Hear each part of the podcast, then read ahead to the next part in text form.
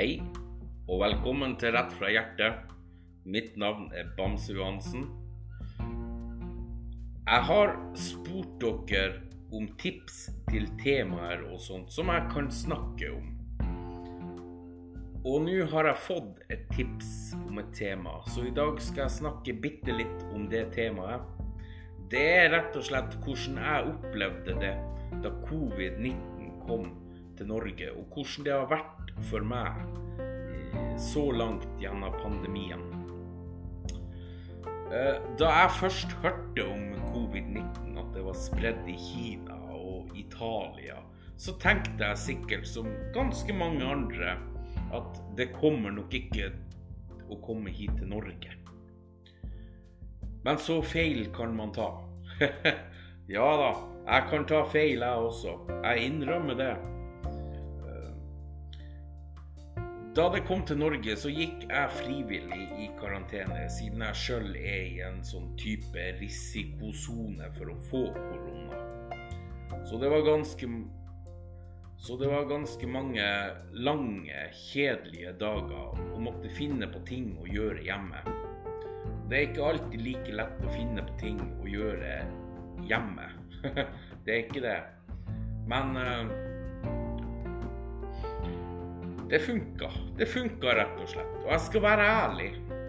Jeg skal være helt ærlig og si at det, det, det har vært litt ensomt. Det har det.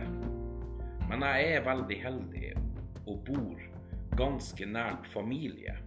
Så det, det har gått veldig fint egentlig, sånn sett. Men så klart, jeg også, som så mange andre, har kjent på ensomheten, eh, depresjon skal være ærlig og si det. At uh, det er bra dager, men dagene kan også være veldig lange og ensomme, deprimerende. Det er det. Men det som er så fint, det er at man har mobiltelefon og man har PC. For da holder man kontakten med omverdenen og med venner rundt omkring. For jeg har venner eh, over hele landet som jeg kan holde kontakt med. Jeg har også venner i utlandet som jeg kan holde kontakt med via PC og mobiltelefon.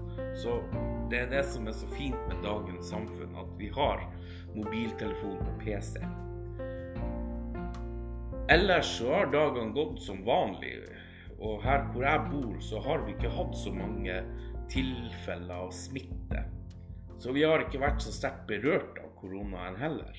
Heldigvis. Men eh, det kan jo plutselig dukke opp her hvor jeg bor. Man vet jo aldri. Selv om vi ikke har hatt så mange tilfeller av smitte til nå, så kan det jo plutselig eh, dukke opp. Man har jo ingen garanti for det. Og der er jo noen som ikke har kunnet jobbe i koronatida. Så dagene har jo blitt ganske lange. Og man har fått en dårlig døgnrytme. Det skal jeg også være ærlig og innrømme at døgnrytmen min, den er helt på trynet. Men det går fint, for døgnrytme er noe man kan endre på. Så det er ikke verdens undergang å ha fått dårlig døgnrytme. Men jeg føler så ofte som Jeg følger, følger så ofte som mulig med på hva som skjer rundt omkring i Norge om den pandemien. På nyheter og sånt. Så jeg får med meg stort sett hver dag hva som skjer, og hvor smitte er og sånne ting. Så Sånn her har min tid med korona vært, egentlig. Kjedelig, men vanlige dager. Og det har jo blitt veldig mye Spotify og TV og TikTok og spill på meg. Men det gjør ikke noe, rett og slett. Det gjør ikke noe, for da har jeg noe å gjøre. Da Da slipper jeg i hvert fall å sitte og gruble for meg sjøl og sitte og føle seg ensom og deprimert. Så kan man se litt på TV-en, høre på musikk, Kanskje ta en runde rundt i leiligheten og se om det er noe man kan finne på. Kan jeg rydde i den skuffa der, tru, eller kan jeg rydde i det skapet der? Eh, ytterboden, der er det litt rotete. Kanskje jeg skal ut i ytterboden og rydde litt. Få litt styr på ting. Ikke sant?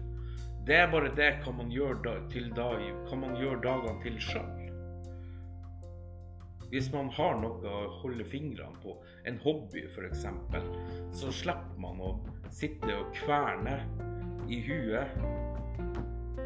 For det er når du kverner rundt i huet eh, og lar det skje, det er da du føler deg ensom og deprimert. Og det er mange som sliter i den tida her med, med depresjon og ensomhet. Men det nytter ikke å sitte og synes synd på seg sjøl. Selv. selv om det er vanskelig og kjempetrist å føle seg ensom og ikke ha noen å være med og slike ting. Eh, det er en pandemi, så vi har ikke noe valg sånn egentlig. Og det her koronagreiene, det varer jo ikke for evig heller. Det kommer, det kommer lysere tider til slutt. Vi må bare omstille oss på mange måter, både mentalt og slikt. Og gjøre vårt beste for å ikke ha den kjipe følelsen om å være ensom og deprimert. Det er bare fantasien som setter inn hva du sjøl gjør dagene til.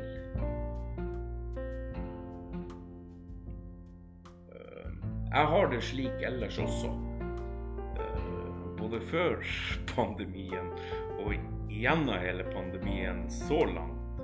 For det er, det er ikke sånn at folk, folk renner ned dørene hos meg hver dag. Det er det ikke.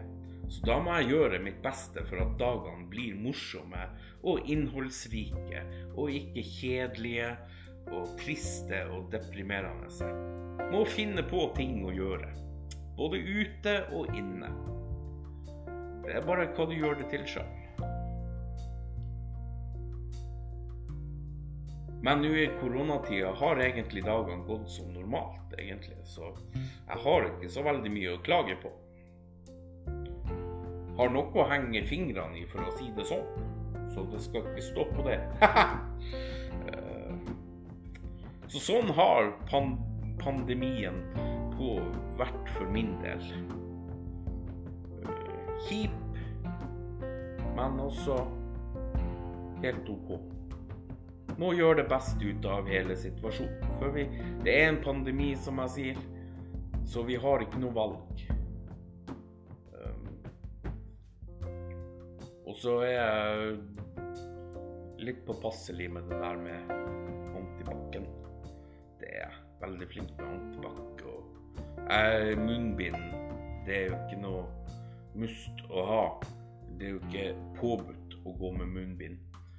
Og som jeg sier, her hvor jeg bor, så har vi ikke hatt så veldig mange smittetilfeller av korona. Jeg tror vi har hatt to eller tre tilfeller uh, med smitte her hvor jeg bor. Jeg er ikke sikker, men det har vært det har, Du kan telle de på én hånd. Så det har gått greit. Det har gått veldig bra. Det har det. Neste gang så skal jeg snakke litt om det her med netthating. Nettmobbing igjen. For det, det, er ofte jeg snakker om mobbing. Men det, det er så viktig og viktig tema å snakke om. Det er et veldig viktig tema. Og jeg skal ta opp det her med hva foreldre bør være obs på. Når det kommer til netthating. Så jeg skal på en måte kjefte litt på de her foreldrene. Så om, du, om det er noen foreldre der ute som lytter til denne podkasten, så følg med i neste episode, som kommer om ei uke. Så skal dere få bitte lite grann kjeft. Eh, men det, det overlever dere. Alle foreldre overlever litt kjefting og kritikk. Men det er på sin plass når det kommer til mobbing generelt. Ikke bare på internett, men også ellers. For det er dere som skal gi barna deres oppdragelse.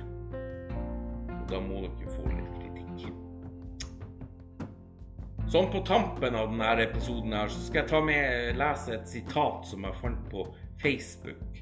Den er egentlig egna til det her med, eh, med det å gå med munnbind og slike ting.